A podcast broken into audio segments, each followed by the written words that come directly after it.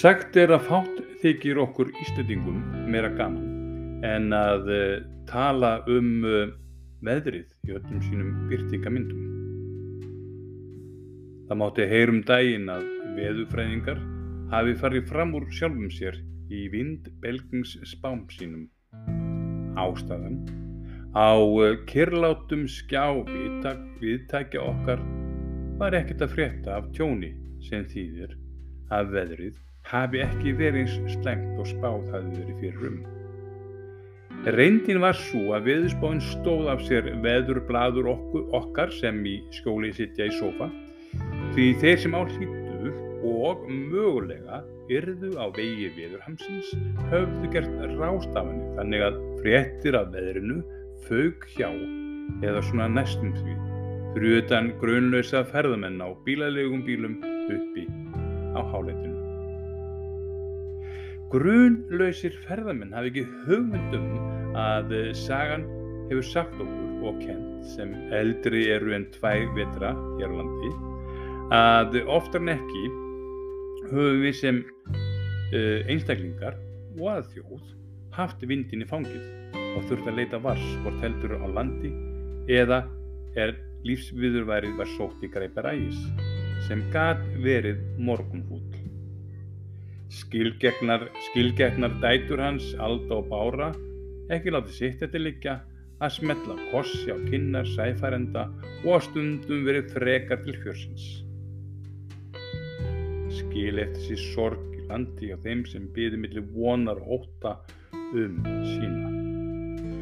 Þessar staðrind blæs saga þjóðar fast í vindund okkar sem í daglifum svo kröftulega að víðsfjari er í huga. Nútíma maðurinn í sofasettinu með snjalltæki við hönd heima hefur engan ennu til að leggja hug að þeirri baróttu sem átti sér stað um dagverð sem lífið var í trausti lagt í hendur drottins að hann myndi vel fyrir sjá hvort heldur til sjáar eða sveita. Aldrei var ítt úr vöru í mætti heldur mætti þess sem gaf og þess sem tók. Það var gefið og það var tekið og alltaf skildi farið með sjóferðabæn. Áður en ægistætur kistu bóðung og kinn, ólgandi sjór, ólgandi vindur, ólgandi hjarta tókust á um. Hver hefði betur? Mátti var sjá og skinja hver ótaðis hvert og hvernig sagan yrði skrifur á Gríta eða sendna strönd sjáarsíðunar eða á ófrjó landi heiðarbílis þar sem verkinn tóld ekki byð heldur unnið í sveita síns andlits í dagstáttu drottins með bænar orð á vör á móður jörð gæfa af sér líf þeim sem yrkjuðu og þáðu. Ekki eigi mætti heldur mætti þess sem öllu réði. Það er ekki hægt að tala um að meginn þorri fólks í dag sem fyrir vinnu eða kvílist á þessum degi sé að tefla einina tvísinu eins og raunum var hér fyrrum þegar sýsturnar sem áður voru nefndar og þegar tilbylgja höfðu allt að segja hver afkoman yrði yfir sjáarstíðuna og þessin til landsins gagn og nöystinnar heyrðu til í grössugum sveitum og heiðum. Í dag er miklu frekar hægt að tala um storm innra með hverjum og einum. Eitthvað sem ekki eftir að finna á veðukortum fræðinga dagana fyrir heldur skellur á þegar síst skildi sem getur leitt af sér óta og öryggisleysi á þeim sem í lendir. Við sem einstaklingar og þjóð höfum fengið okkar skerf af hampara flóðum först, förstu að lausu formi, vass og öðru því sem að sent teldist til náttúrunar hampara sem lagði að huga óta og óvissum framgang alls. Kyrðin fyrir utan er ekki svo kyrð sem forðuður okkar og mæður okkar settist nýður með, með því storfur nútímans. Lægis ekki fyrir okkar okkur heldur hefur komið sér fyrir innra með hverju einu okkar. Það sem ekkert fær hamiðan það sem fátt er um skjól því við höfum haft fyrir því að leita vars nema í eigi mætti. Ligna lífsins í dag er sveipuð angist óta freystingum ákvörðunum að eitt sé öðru fremra til að komast að því að það var svikalók með öðrum orðum Það er ekkert örugt í heimi þessum sem aftur þýðir ekki það eitt að við eigum að halda að okkur höndum til að ekkert verði okkur áfalli með vindina móti. Í meðbyrð finnum við til eigi máttar. Útbólkin á hróka eins og ein og óstöð stöndu við stafni lífsins sem er blekking. Því við erum ekki einn og við erum ekki óstönd.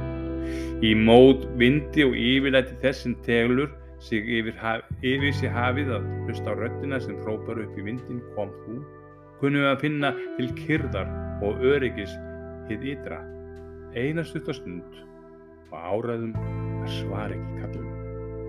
Sem aftur leiti þess að manneskjan á í stormasömu samband við sjálfið sitt sem ekki verður mælt með mælekvarðanum metrum á sekundu því allt segir spór og fingraf og evans er það sem mæti nútímanum og það sé vel því átök hverstagsins og náttúrunar hefur færst frá því sem var augljóst ytra í það sem er huglegt innra með hverjum og einum. Í þeim átökum er margur sem finnir sig einmanna, já og ráðviltur. Verkistum og opinni bátkennu hugans ekki stakk búin að taka móti beljandi sípilju orðan útímans um að maðurinn einn, einn og trúlítill. Allt tal um annað til er í gerdeginum sem kemur ekki aftur nema afturgengin sem ekki er markvartakandi og hjart, hjartað indra með hrópar óttaslegið. Því hefur þú yfirgeið mig í stormi. Fyrir hans orð lögum við að stað, fyrir hans orð eru við hér þótt gefi á bátinn. Kyrð hjartans aðeins augnablík frá vissunum að vel verði fyrir sér því við erum, við erum ekki einn. Það er mannlegt að efast. Við eigum að efast. Hvar væri við í dag ef við efumst ekki?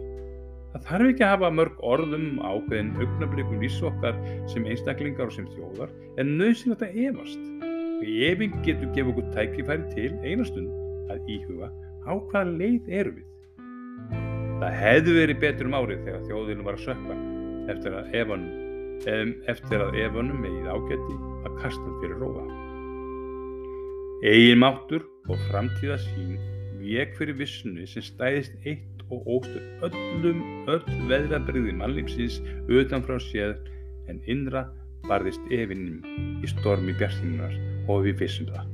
Við kusum að vera eina báti. Sá eða sú kýs vera eina báti horfir á tilvöruna vonlausum hugum. Ítur vöri í mætti ekki lítið um örgstu þeirra sem stóð hjá og lítið sér varða líf og mátt, mátt hans. Hlustum ekki þar til að eigin máttur vínaði í kjörningaverfi veðri því áratók má eins má sín lítils en alls þegar viðkjörnum okkar eigin mannmátt. Það vissi forfiður okkar og mæður sem ítt úr vörð grítri eða sendinni strönd lífsins þar sem lífið var lítið skjól var að hafa nema hugan einn. Hvers vegna ætti við ekki gera það líka umvafin skjóli alls.